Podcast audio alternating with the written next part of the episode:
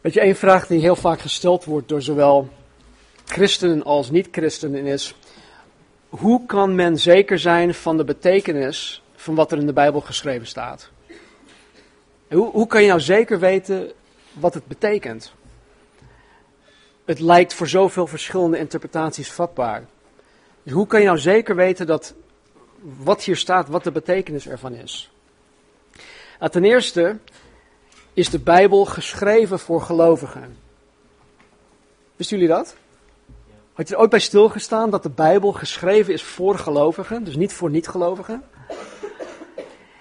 En de echte gelovige, die zichzelf verlogent, die zijn kruis opneemt, die Jezus navolgt, die vervuld is met en wandelt in de Heilige Geest, die wordt door de Heilige Geest zelf onderwezen opdat hij of zij de zekerheid kan krijgen over de betekenis van de Bijbel.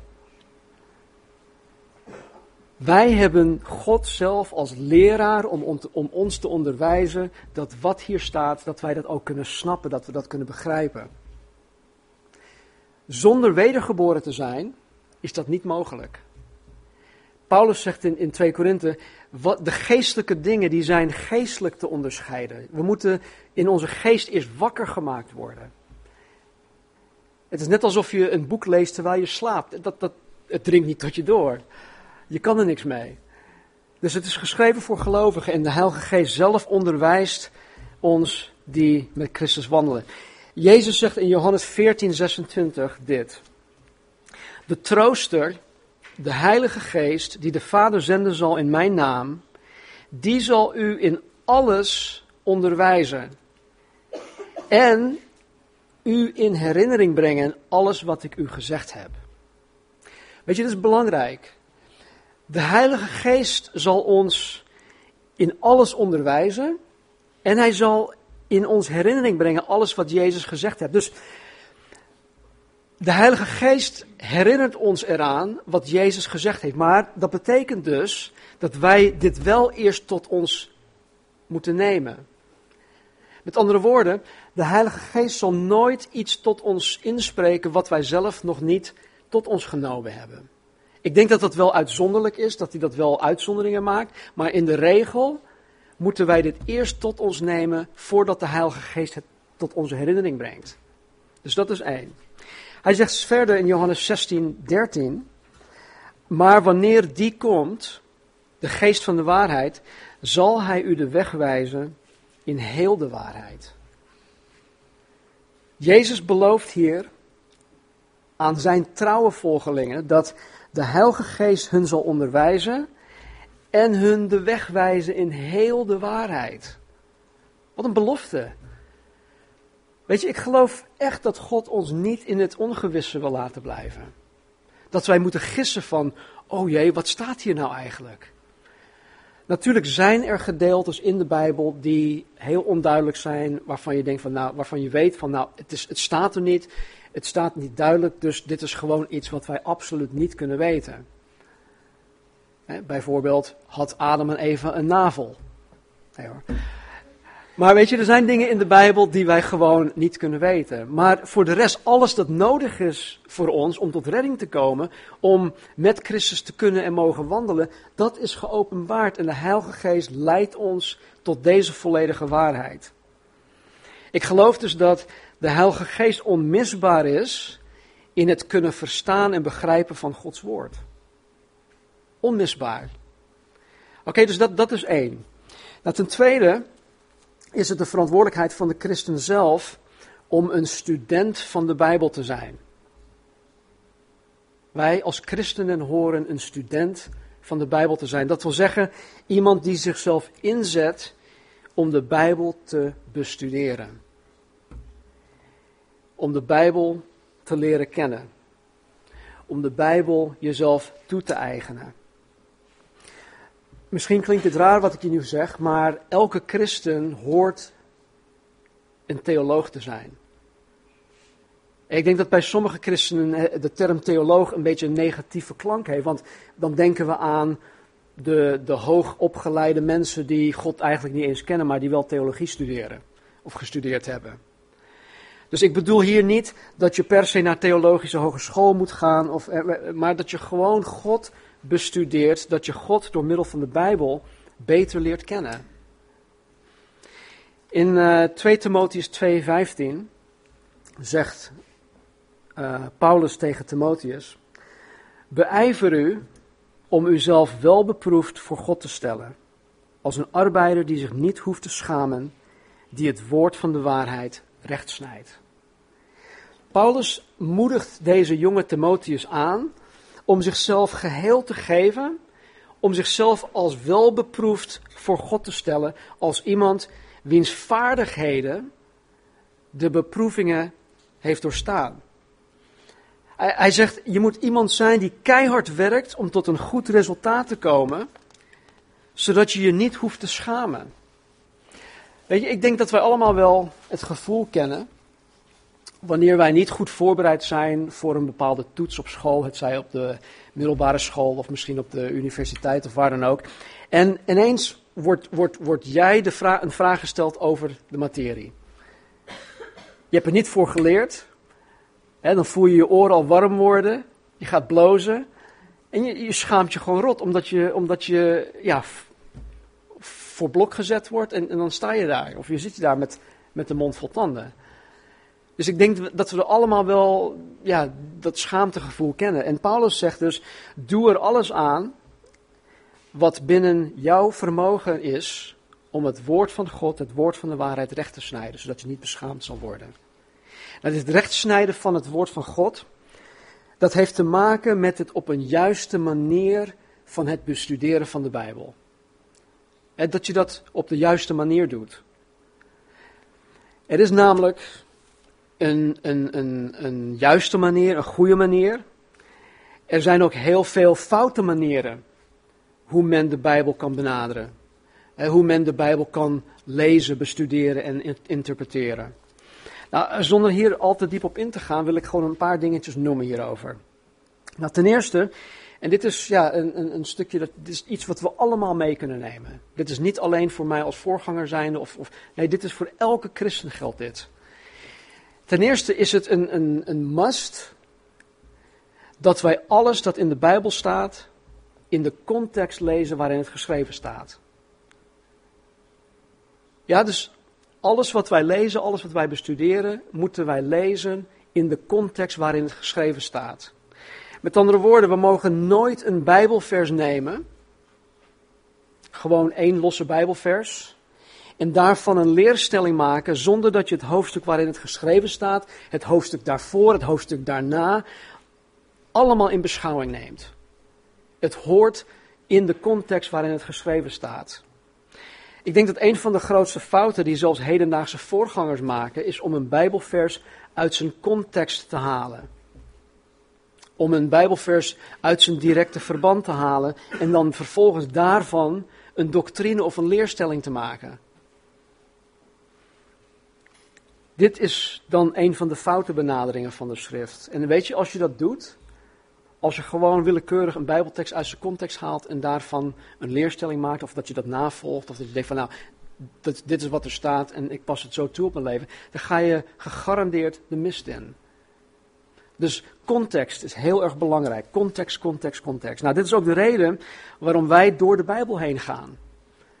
We zijn tot nu toe in vijf jaar tijd nog niet heel ver gekomen. We hebben handelingen en, twee, en 1 Korinthe behandeld. Nu zijn we bezig met Matthäus. Maar het is niet hapsnap hier, daar een plukje. En, en, nee, we lezen en bestuderen alles in zijn context. Daarom doen wij het boek voor boek, hoofdstuk voor hoofdstuk, vers voor vers. Context. Context is, is super belangrijk. ten tweede, wanneer je de Bijbel leest of bestudeert, moet je jezelf gewoon een aantal vragen stellen. Um, even voor alle duidelijkheid, vanmorgen is, is iets anders dan, dan wat jullie gewend zijn. Ik neem jullie vanmorgen als het ware uh, mijn studeerkamer uh, in om, om, te kijken hoe, hoe ik tot mijn conclusies kom. Dus misschien kun je het vergelijken met een stukje bijbelschool. Um, je moet jezelf een aantal vragen stellen. En de vragen zijn heel simpel. Voor degenen die het noteren, ik noem het ehm, de vijf W's de letter W, vijf W's en één H. De vijf W's en één H. De eerste W is wie, wat, tweede, waar, wanneer, waarom. En de laatste is de H, is de hoe. En de wie is de wie-vraag die je stelt, is wie spreekt er? Als je iets leest, wie spreekt daar dan? Tot wie wordt er gesproken? Over wie gaat het? Voor wie is het bestemd? Wat gebeurt er? Wat is er gaande? Wat zijn de omstandigheden waarin dit plaatsvindt? Waar? Waar vindt wat je leest plaats? Wanneer? Wanneer vindt het plaats? In welke tijdperk? In, wel, in welke fase van uh, iemands leven? Uh, voor wanneer is dit ook bestemd? Waarom staat dit geschreven? Wat is de reden dat God het nodig acht om dit per se in de Bijbel te plaatsen? Waarom is dit voor jou van belang? En als laatste, hoe? Hoe zal hetgeen je leest geschieden? Hoe zal het gedaan moeten worden? Er zijn nog meer vragen die je kan stellen hoor, of, in die zin, en de, wie, wat, waar, of uh, hoe en hoe. Maar um, dit zijn even gewoon een, een, aantal basisvragen die je kan stellen. Nou, weet je, misschien krijg je nu de indruk van nee Stan, dit is veel te veel werk. Dit is heel veel werk. Ik moet toegeven, het is veel werk. Het, dat is het ook. Ik, ik, ga, ik ga er geen, uh, hoe zeg je dat, doekjes om, omheen draaien ik, ik wil het ook niet mooier laten lijken dan, dan het is. Het is gewoon werk. Het is veel werk. Maar als je eenmaal gewend raakt aan deze methode, dan wordt het uh, ja, als een tweede natuur. Het is in het begin is het even lastig. Oh ja, uh, wat, waar, wanneer, wie, waarom en hoe. En dat, dat, je kan niet in elk gedeelte wat je leest alle vragen beantwoorden.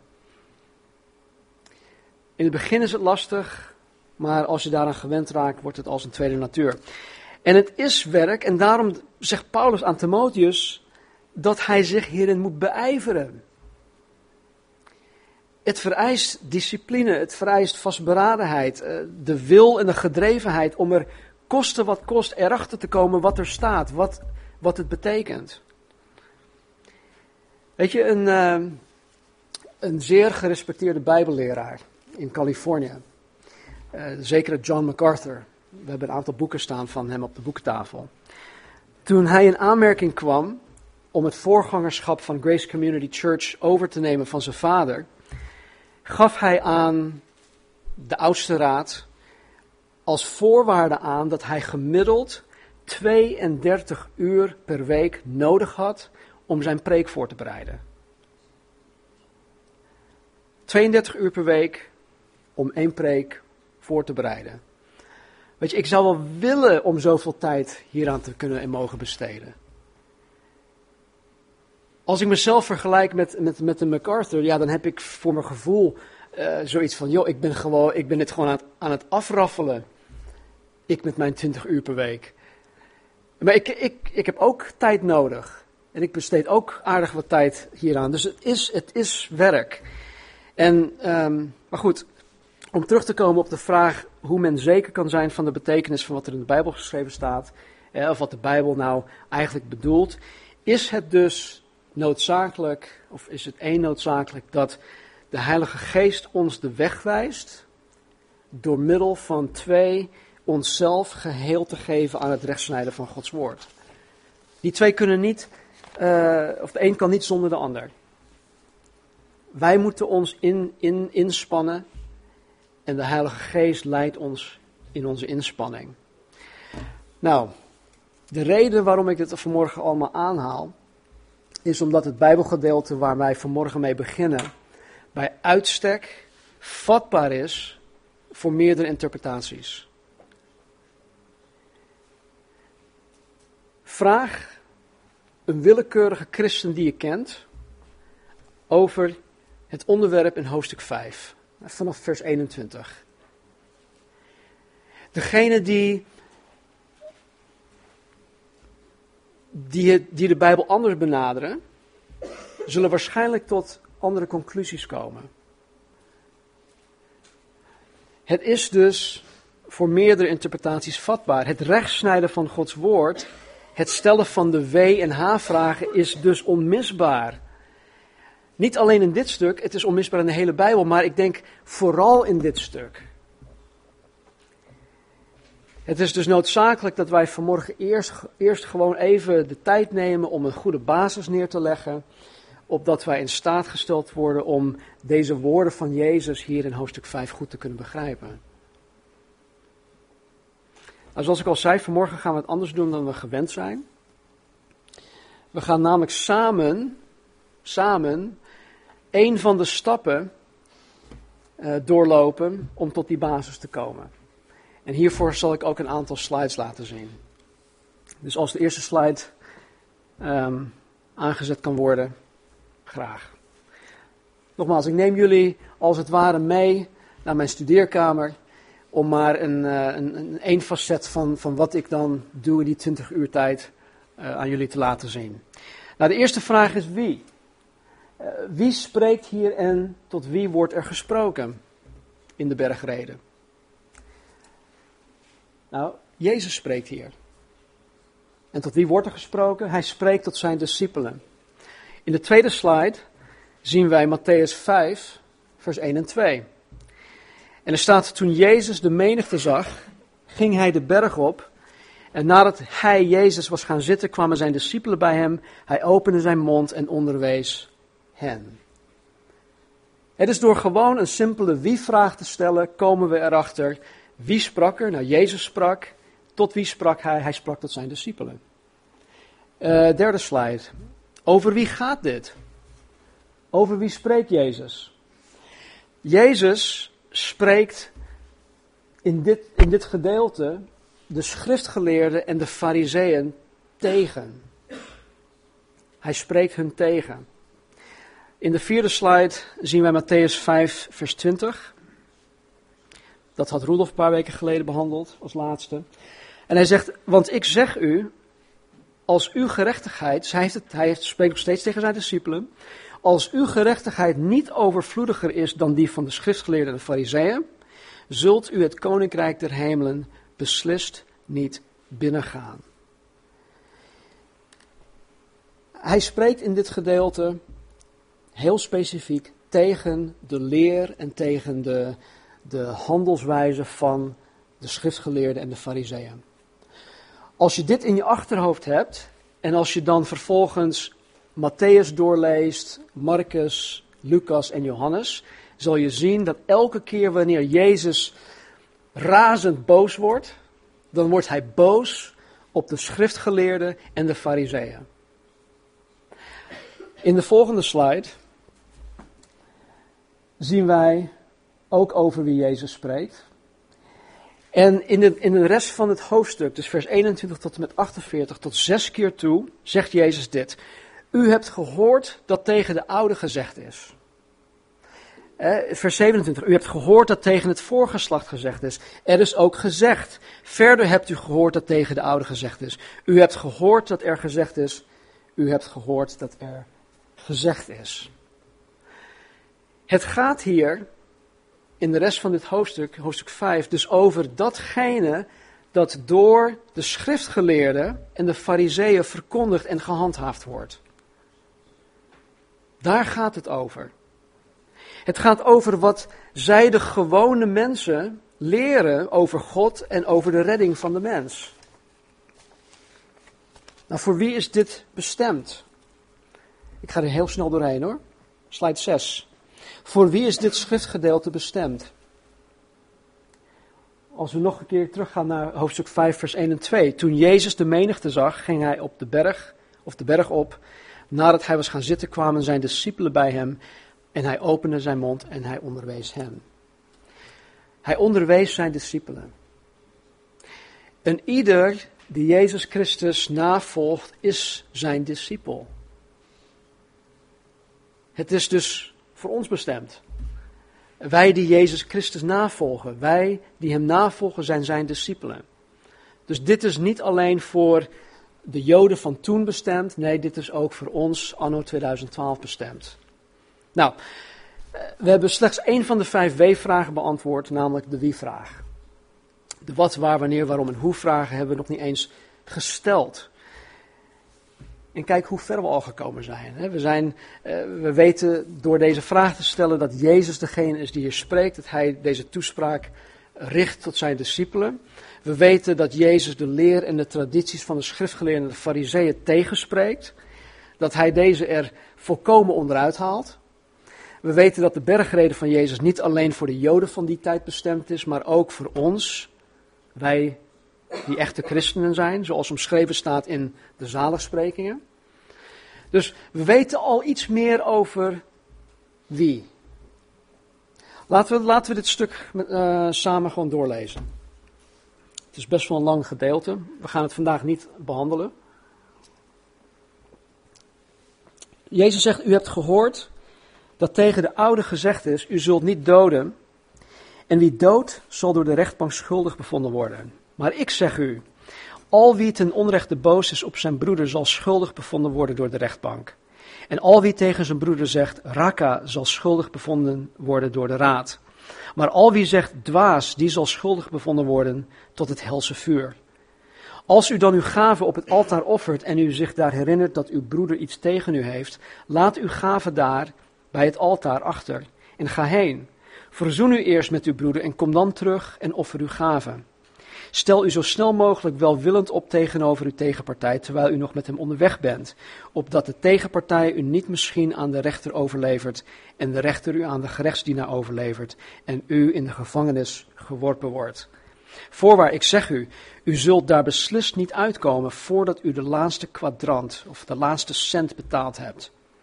U hebt gehoord dat tegen het voorgeslacht gezegd is: U zult geen overspel plegen. Maar ik zeg u dat al wie naar een vrouw kijkt om haar te begeren in zijn hart al overspel met haar gepleegd heeft. Als dan uw rechteroog u doet struikelen, ruk het uit en werp het van u weg. Want het is beter voor u dat een, dat een van uw lichaamsdelen te gronden gaat en niet heel uw lichaam in de hel geworpen wordt.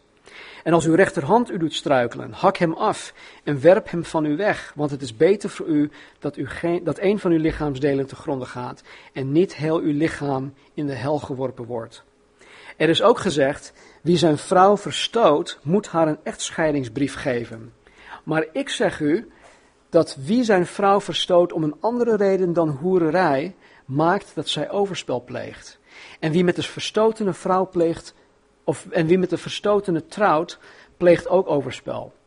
Verder hebt u gehoord dat tegen de oude gezegd is: U zult de eed niet breken, maar u zult voor de Heere uw eden houden. Maar ik zeg u: Zweer in het geheel niet. Niet bij de hemel, want dat is de troon van God. Niet bij de aarde, want dat is de voetbank van zijn voeten. Ook niet bij Jeruzalem, want dat is de stad van de grote koning. Ook bij uw hoofd mag u niet zweren, want u kunt niet één haar wit of zwart maken. Laat uw woord ja echter ja zijn en uw nee nee. Wat hierboven uitgaat is uit de boze. U hebt gehoord dat er gezegd is oog voor oog en tand voor tand. Ik zeg u echter dat u geen weerstand moet bieden aan de boze, maar wie u op de rechterwang slaat, keer hem ook de andere toe. En als iemand u voor het gerecht wil dagen en uw onderkleding nemen, geef hem dan ook het bovenkleed. En wie u zal dwingen één mijl te gaan, ga er twee met hem. Geef aan hem die iets van u vraagt en keer u niet af van hem die van u lenen wil. U hebt gehoord dat er gezegd is, u moet uw naaste lief hebben en uw vijand moet u haten. Maar ik zeg u, heb uw vijanden lief, zegen hen die u vervloeken, doe goed aan hen die u haten en bid voor hen die u beledigen en u vervolgen, zodat u kinderen zult zijn van uw Vader die in de hemelen is. Want hij laat de zon opgaan over slechte en goede mensen en laat het regenen over rechtvaardigen en onrechtvaardigen. Want als u hen lief hebt die u lief hebben, wat voor loon hebt u dan? Doen ook de tollenaars niet hetzelfde? En als u alleen uw broeders groet, wat doet u meer dan anderen? Doen ook de tollenaars niet zo? Weest u dan volmaakt, zoals uw Vader die in de hemel is, volmaakt is. Wauw, dat is heftig. Dat is echt heftig. Dit is, als je, als je het zo leest en niet weet in welke context Jezus dit zegt, waarom hij dat zegt, wanneer hij dat zegt, tegen wie hij het heeft, over wie het heeft, dan kan je denken van, nou ja, nou, ik kan het wel vergeten. Dit kan ik nooit doen, dit kan ik nooit zijn. Forget it. Dus zoals ik eerder al aangaf, is het heel belangrijk dat dit schriftgedeelte op de juiste manier benaderd wordt. Want Jezus zegt hier extreme dingen. Ruk je oog uit. Hak je rechterhand af. Hij zegt, als je iemand een dwaas noemt, dat je in de hel terechtkomt. Enzovoort, enzovoort. Dat zijn hele extreme dingen. Nou, omwille van de tijd zal ik zelf nog twee van de W-vragen beantwoorden, namelijk wat en waarom. Nou, wat gebeurt hier? Wat is hier gaande? Wat zijn de omstandigheden? Wat hier gebeurt, is dat Jezus zijn discipelen en de menig die, die, met, die met de discipelen meekwamen, over het koninkrijk der hemelen, oftewel het koninkrijk van God, um, wil leren. Hij instrueert hun hier over het koninkrijk van God. Trouwens, voor ons uh, begrip, het koninkrijk der hemelen en het koninkrijk der God is, is precies hetzelfde. De Bijbel maakt er geen onderscheid tussen. Hij heeft het dus over het koninkrijk van God. In Matthäus 3, vers 1 en 2 staat dit. In die dagen trad Johannes de Doper op en hij predikte in de woestijn van Judea en zei: Bekeer u, want het koninkrijk der hemelen is nabijgekomen. Even later zegt Jezus: van, uh, Bekeer u, in, in uh, Matthäus 4, vers 17: Bekeer u, want het koninkrijk der hemelen is nabijgekomen. Even verder, Matthäus 4, 23. Jezus trok rond in heel Galilea, gaf onderwijs in een synagoge en predikte het evangelie van het koninkrijk. En hij genas elke ziekte en elke kwaal onder het volk. Matthäus 5:3 Zalig zijn de armen van geest, want van hen is het koninkrijk der hemelen. Matthäus 15 Zalig zijn zij die vervolgd worden om de gerechtigheid, want van hen is het koninkrijk der hemelen. Wie dan een van deze, in Matthäus 5:19, wie dan een van deze geringste geboden afschaft en de mensen zo onderwijst, zal de geringste genoemd worden in het koninkrijk der hemelen. Maar wie ze doet en onderwijst, die zal groot genoemd worden in het koninkrijk der hemelen. Matthäus 5 vers 20. Want ik zeg u, als uw gerechtigheid niet overvloediger is dan die van de schriftgeleerden en de fariseeën, zult u het koninkrijk der hemelen beslist niet binnengaan. Wat Jezus hier doet, is ons leren over wie toegelaten zal worden in het koninkrijk der hemelen. Hij leert ons over wie toegelaten zal worden in het koninkrijk van God. Om even terug te gaan in de zaligsprekingen. Omschrijft Jezus het karakter van de christen. He, toch? Dat hebben we een aantal weken behandeld. De armen van geest, zij die treuren over hun zonde. De zachtmoedigen, zij die hongeren en dorsten naar gerechtigheid. De barmhartigen, de reinen van hart. De vredestichters, en zij die omwille van de gerechtigheid vervolgd worden. Dit zijn de karaktereigenschappen van de hemelburger. Dit zijn de karaktereigenschappen van de christen. Dit zijn de karaktereigenschappen van iemand die toegang krijgt tot Gods koninkrijk.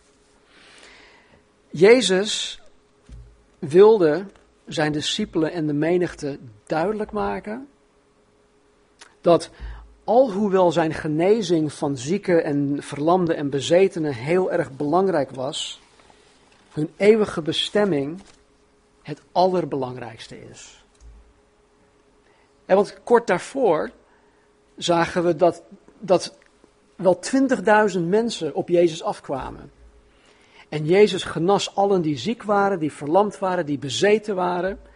En wat doet hij nou, vervolgens? Hij geeft hun de bergreden. Hij geeft hun onderwijs. Als Jezus de mensen alleen maar genas en hun niet vertelde hoe zij het koninkrijk van God in kunnen komen, dan zou hij hun alleen maar tijdelijk geholpen hebben. En hun vervolgens naar de eeuwige verdoemenis laten gaan. Zie het voor je? Jezus zegt, oh kom maar hier, joh, ik genees je wel.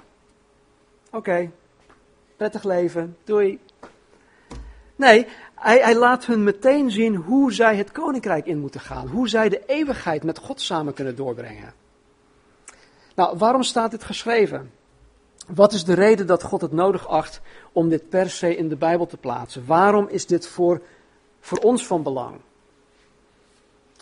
Nou, er waren namelijk twee groepen tegen wie Jezus sprak.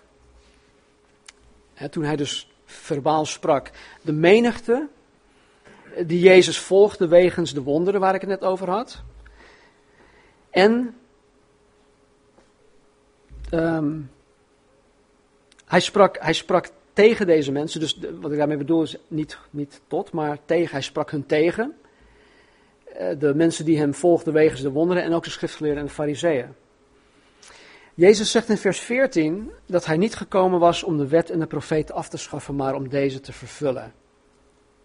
Nou, dit is heel belangrijk, want Jezus gaat vervolgens in vers 21 tot en met 48 de leer van de schriftgeleerden en de fariseeën tegen. Elke keer wanneer er, niemand op, wanneer er iemand nieuw op het toneel kwam, het eerste wat zij vroegen was: Oké, jij brengt nu deze leer, maar hoe zit het dan met de wet en de profeten? Nou, die vraag stelde zij zichzelf ook over Jezus. Oké, Jezus, jij komt nu met hele radicale dingen, maar hoe zit het dan met de wet en de profeten? Daarom zei Jezus nadrukkelijk: Ik ben niet gekomen om de wet en de profeten af te schaffen. Nee, verre daarvan. Ik ben gekomen om de wet te vervullen. Nou, tot zesmaal toe zegt Jezus in deze versen, 21 tot 48, hè, u hebt gehoord dat, u hebt gehoord dat, u hebt gehoord dat er gezegd is, of u hebt gehoord dat er tegen het voorgeslacht gezegd is, enzovoort, enzovoort. Maar dan zegt hij ook, maar ik zeg u. Jezus zegt in dit stuk niet, er staat geschreven, maar ik zeg u is heel belangrijk. Tegen Satan, in hoofdstuk 4, zei hij elke keer: Er staat geschreven, er staat geschreven, er staat geschreven. Maar nu zegt hij: Hé, hey, jullie hebben gehoord dat tegen het voorgeslacht gezegd is. Er is ook gezegd dat. Dus Jezus spreekt niet tegen de wet in, maar tegen wat de schriftgeleerden en de fariseeën er van de wet gemaakt hebben. Even een, zij, zijspoor. Tijdens de gevangenschap van de Joden in Babel hadden de Joden de Hebreeuwse taal helemaal vergeten. Ze spraken geen Hebreeuws meer. Alleen de, de schriftgeleerden en de, um, de fariseeën spraken nog Hebreeuws. Wat de rest van de mensen spraken was Aramees, dat is een hele andere taal. Dus de wet en de profeten, eh, dat was eigenlijk hun versie van de Bijbel, die toen beschikbaar was in de tijd van Jezus, dat was alleen in het Hebreeuws geschreven. En het was dus alleen um, ja, leesbaar voor degenen die Hebreeuws kenden. De gewone mensen konden dat niet lezen. Het is vergelijkbaar met de Bijbel in, in, in Latijn. Het is, het is voor de Reformatie, voordat um, um, het in, in onze taal uh, vertaald werd, was het alleen maar in Latijn. En, en, de mensen waren afhankelijk van de katholieke kerk om ja, te weten te komen wat God, van hun, wat God van hun verwachtte. En zo was het precies ook met hun. De gewone mensen waren afhankelijk van de schriftgeleerden en de fariseeën, die als enige in die tijd alleen ja, Hebreeuws spraken en lazen. Nou, het probleem was dat de schriftgeleerden en de fariseeën het woord van God niet rechtsneden. Zij voegde er allerlei regels en tradities aan toe. Waaronder ook de dingen die Jezus hier in vers 21 tot 48 dus aanhaalt. Waarvan hij zegt, er is gezegd, u hebt gehoord dat. Nou, en tegen de tijd dat Jezus op aarde kwam, was, was hun leer, hun doctrine, hun leer, uh, dat was zo verbasterd, dat Jezus hun de mensen weer terug moest brengen naar de basis. Ze moesten hij moest de mensen weer terugbrengen naar het zuivere woord van God. En vandaar dat Jezus zegt, u hebt gehoord dat, maar ik zeg u. Jullie hebben dat allemaal wel door de jaren heen meegekregen van al die, al die zogenaamde kerkleiders. Maar ik, ik zeg u. Aan het eind van de bergreden, Matthäus 7, 29 staat dit. Jezus onderwees hen als gezaghebbende en niet als de schriftgeleerden. Jezus onderwees hen als gezaghebbenden en niet als de schriftgeleerden. De schriftgeleerden die refereerden altijd naar, een zo, naar andere zogenaamde bijbelleraren. Ze zeiden altijd van ja, Rabbi Hillel zegt dit. En Rabbi Shimai die zegt weer dat. Het is alsof ik hier niet in de autoriteit van God sta, maar zeg van ja, maar Ouweneel die zegt dit. Uh, Wichler Tamboer die zegt dat. Snap je? En ze, ze, ze stonden daar nooit in de autoriteit van God en, en, en met, met, de, met de zekerheid dat ze konden zeggen van, nee, dit staat er in de Bijbel. Ze refereerden altijd aan andere mensen. Maar Jezus zegt, hey, jongens luister, jullie hebben dit gehoord, maar ik zeg jullie, ik zeg u dit. Hij sprak in de bergreden als de auteur van de wet van God. Hij sprak als degene die aan, aan Mozes de tien geboden had gegeven. Nou, wanneer wij het evangelie met mensen delen, dan is het noodzakelijk dat wij eerst het probleem aan de mensen bekendmaken voordat wij met het evangelie aankomen, het goede nieuws. Hoe vaak hebben wij niet tegen een ongelovig persoon gezegd van, weet je, God houdt van je. Dat is helemaal waar. Maar als iemand daar geen behoefte aan heeft, dan zegt hij, nou leuk, God houdt van me. Boeit me niet. Of, hé, hey, God wil je vriend zijn. Leuk, ik heb zat vrienden, ik heb God niet nodig. Ik heb genoeg vrienden waarmee ik op kan trekken, waarmee ik, die ik kan zien. Waarom zou ik een onzichtbare vriend willen hebben? of God heeft een geweldig plan met je leven. Ik heb mijn eigen plan, kijk maar. Ik heb mijn pop, ik heb mijn, mijn vijfjarig plan, noem maar op. Ik vul mijn eigen leven wel in zoals ik het wil. Eh, dat zijn allemaal dingen die waar zijn. Ja, God houdt van je. Ja, God wil je vriend zijn. Ja, God heeft een plan met je leven. Maar als je daarmee bij voorbaat al aankomt en mensen daar geen behoefte aan hebben, dan zeggen ze, nou ja, leuk voor jullie, maar het boeit me niet. Wat heeft iemand eraan, of aan, als, aan een verlosser en redder, als, als die persoon dus niet inziet dat hij überhaupt gered en verlost moet worden? Het is de zaak om mensen eerst te helpen in te zien dat zij een zondaar zijn. Of dat zij zondaar zijn. Als ze eenmaal inzien dat zij hopeloos verloren zijn, dan heeft het evangelie pas impact. Als iemand dat niet inziet, dan, dan is het waardeloos voor hen. Als je geen vuile was hebt, dan, kan dan, dan heeft Ariel toch ook helemaal geen zin. Of als je geen kleintjes thuis, thuis hebt, hebt, hebt, hebt kruipen, dan heb je toch geen luiers nodig? Ja, maar ik heb de allerbeste luiers die er maar zijn. Met deze luiers kom je de hemel in. Ja, maar ik heb helemaal geen luiers nodig. Snap je? Dus mensen moeten inzien dat ze, dat ze, dat ze het evangelie nodig hebben. Nou, in vers 21 tot en met 48 brengt Jezus dit concept tot een totaal ander niveau. Hij laat ons zien dat het voor de mens volkomen onmogelijk is om in het koninkrijk van God te kunnen komen. Geen enkel mens kan door wat hij hier zegt in het koninkrijk komen. Het is voor de mens onmogelijk. Jezus zegt dat je niet eens hoeft te moorden om schuldig bevonden te worden van moord. Je hoeft slechts boos te zijn op je naaste. Je hoeft slechts iemand te haten om door God schuldig verklaard te worden voor moord. En geen enkele moordenaar komt het koninkrijk der hemelen binnen. Je hoeft niet eens daadwerkelijk overspel te plegen om daaraan schuldig te zijn. Maar slechts het verlangen naar een andere vrouw in je hart, of je in je gedachten of in je fantasie, of misschien je verlangen naar een andere man, dat maakt je al schuldig van overspel. In vers 20 zegt Jezus, als uw gerechtigheid niet overvloediger is dan die van de schriftgeleerden en de fariseeën, zult u het koninkrijk der hemelen beslist niet binnengaan. Wie van ons is meer rechtvaardig dan de schriftgeleerden en de fariseeën? En zij hielden zich tot aan de kleine puntjes aan toe aan de wet van God, of wat zij dachten de wet was. Zie, bij de schriftgeleerden en de fariseeën ging het om het uiterlijk vertoon van hun, van hun godsdienst. Met die gedachte moet je de evangelie lezen. Elke keer als je de schriftgeleerden, de fariseeën of de sadduceeën tegenkomt, dan gaat het om uiterlijk vertoon van. Kijk naar mij. Maar bij God gaat het niet om uiterlijk vertoon, het gaat om je hartsgesteldheid. Wat we vorige week ook hebben geleerd. Dat we God lief moeten hebben met heel ons hart.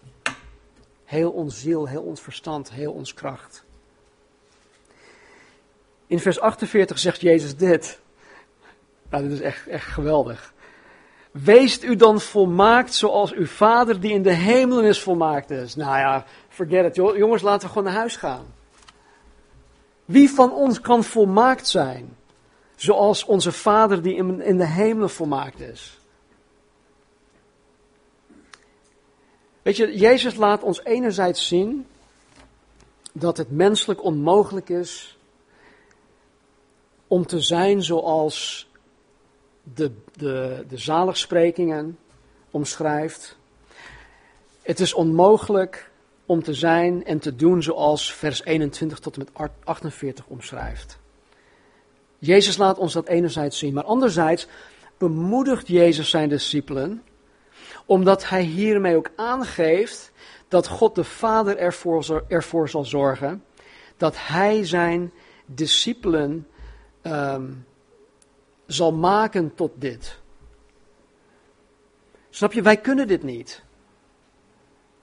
Maar hij zegt hiermee: Oké, jongens, jullie kunnen dit niet, maar ik kan het wel. Jezus heeft de wet volkomen vervuld. Hij is ons voorbeeld. En vandaag de dag laat hij ons nog steeds zien hoe wij dit kunnen worden in Hem.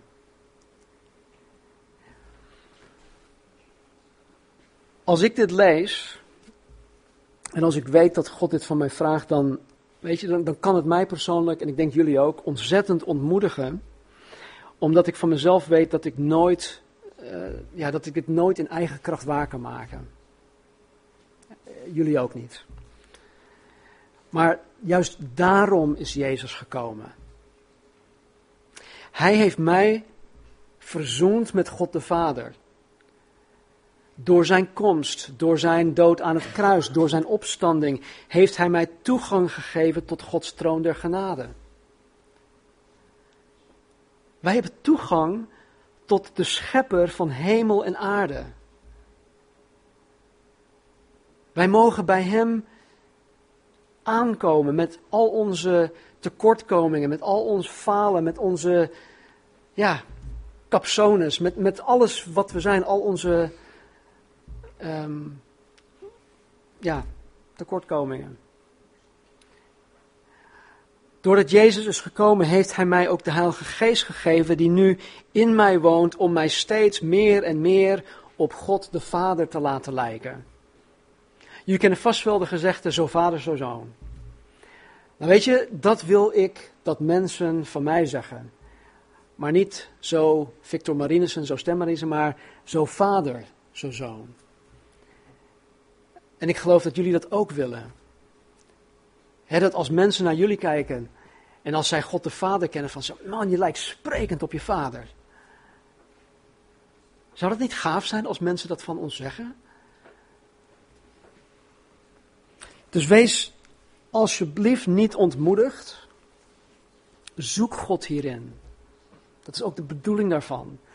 Dat wij, dat wij ja, uh, niet hopeloos, maar echt wanhopig onszelf voor de voeten van Jezus Christus neerwerpen. Om zijn hulp hierin te zoeken. Vraag gewoon aan God om je zo te maken. Als jij een garantie wil hebben dat God één gebed van jou verhoort, dan zal ik dat nu aan je geven. Vraag aan God om alles te doen om jou zo te maken. Dat gebed zal hij verhoren, gegarandeerd. Het zal misschien niet van de ene dag op de andere dag gebeuren. Mochten we hier nog 80 jaar zijn, dan zal, het 80 jaar, dan zal er 80 jaar nodig zijn om ons daar zo te maken. Maar hij zal het doen. Ik garandeer je het. Hij zal je gaan snoeien. Hij zal je vlees behoorlijk mangelen. Maar hij gaat het doen. Het is zijn werk. Hij wil dat wij vruchtbaar zijn. En hoe meer we gesnoeid worden, hoe meer we vruchtbaar zijn, hoe meer we Hem verheerlijken. Heer, ik dank u zo dat u ons uw woord hebt gegeven. Heer, ik dank u ook dat wij uw woord in de context waarin het geschreven staat mogen lezen en bestuderen. Ik dank u, Vader, dat u ons uw Heilige Geest hebt gegeven, dat wij door de Geest die ons onderwijst, die ons in alle waarheid, de volle waarheid leidt, dat wij de zekerheid mogen hebben, Heer, van, van wat hier staat, wat u bedoelt, hoe wij dat toe kunnen passen in ons leven, wat u van ons verwacht en verlangt. Heer, dat wij niet in het ongewisse blijven, dat wij maar ja, gissen van, oh ja, nou ik denk dat dit er staat of ik denk dat dat er staat. Nee, dat u ons de zekerheid wil geven van wat hier staat. Dus heren, help ons. Heer, ik zie er zo naar uit om, om volgende week deze tekst in te duiken, heren, om te zien wat u precies bedoelt. Elke keer als u weer zegt, ja, u hebt ooit gehoord, maar ik zeg u. Heren, we willen horen, we willen weten wat u tot ons te zeggen heeft. Dus vader, spreek tot ons. Bid ook, vader, dat degene die de rest van de bergreden deze week ook gaan lezen, heren, dat u hun, hun ogen zal openen. Hun verstand zal openen, hun hart zal openen, vader. Voor uw woord. Verlicht ons verstand. Verlicht ons hart. Verlicht onze ogen. Zodat we het kunnen snappen, zodat we het kunnen begrijpen. Zodat we het kunnen toe-eigenen, vader. Zodat het ons zal veranderen. Zodat we meer en meer op u, vader, zullen gaan lijken. Dus help ons, Heer. Laat ons niet ontmoedigd zijn. Laat ons daarentegen zeer bemoedigd zijn, omdat we weten dat u ons nooit zal verlaten. Omdat u ons nooit zal in de steek zal laten, maar dat u ons wil helpen. Dus zegen ons, Heer. Zegen in ieder vanmorgen ook. Eh, wanneer we naar het huis gaan, Heer, geef ons een veilige rit weer naar huis toe. Zegen ons, Heer, wanneer we eh, de week weer beginnen, wanneer we morgen naar school toe gaan of naar het werk. Of waar we ons ook mee bezig zullen gaan houden. En Heer, doe radicale dingen met ons deze week. Dank u wel dat u deze afgelopen week zo mooi bezig bent geweest. Overtref uzelf deze week, Vader. En Heer, zoals, uh, ja, zoals we in het Engels ook zo mooi zeggen, blow our minds. Blow our minds, Lord. Dank u wel. In Jezus' naam. Amen. Amen. Laten we gaan staan. Romeinen 8, 29 zegt dit. Hen die God van tevoren gekend heeft, dat zijn wij, heeft hij er ook van tevoren toe bestemd om aan het beeld van zijn zoon gelijkvormig te zijn. God heeft al voor de, voor de schepping van de aarde ons voorbestemd om gelijkvormig te zijn aan Jezus Christus. En in 2 Korinthe 3:18 staat dit: Wij allen nu, die met onbedekt gezicht de heerlijkheid van de Heere als in een spiegel aanschouwen, worden van gedaante veranderd naar hetzelfde beeld, van heerlijkheid tot heerlijkheid. Zoals dit door de geest van de Heer bewerkt wordt. Het is de geest van God die ons van heerlijkheid tot heerlijkheid tot heerlijkheid tot heerlijkheid verandert naar het beeld van Jezus Christus. Dus mogen de Heer jullie deze week daarvan bewust maken, dat jullie jezelf ook uh, ja, beschikbaar stellen, dat jullie jezelf ook schikken aan die God die jullie willen vormen, die jullie willen veranderen naar het evenbeeld van zijn zoon. En bid dat God je inderdaad zal maken zoals het hier staat. Hij zal het doen. In zijn naam. Amen.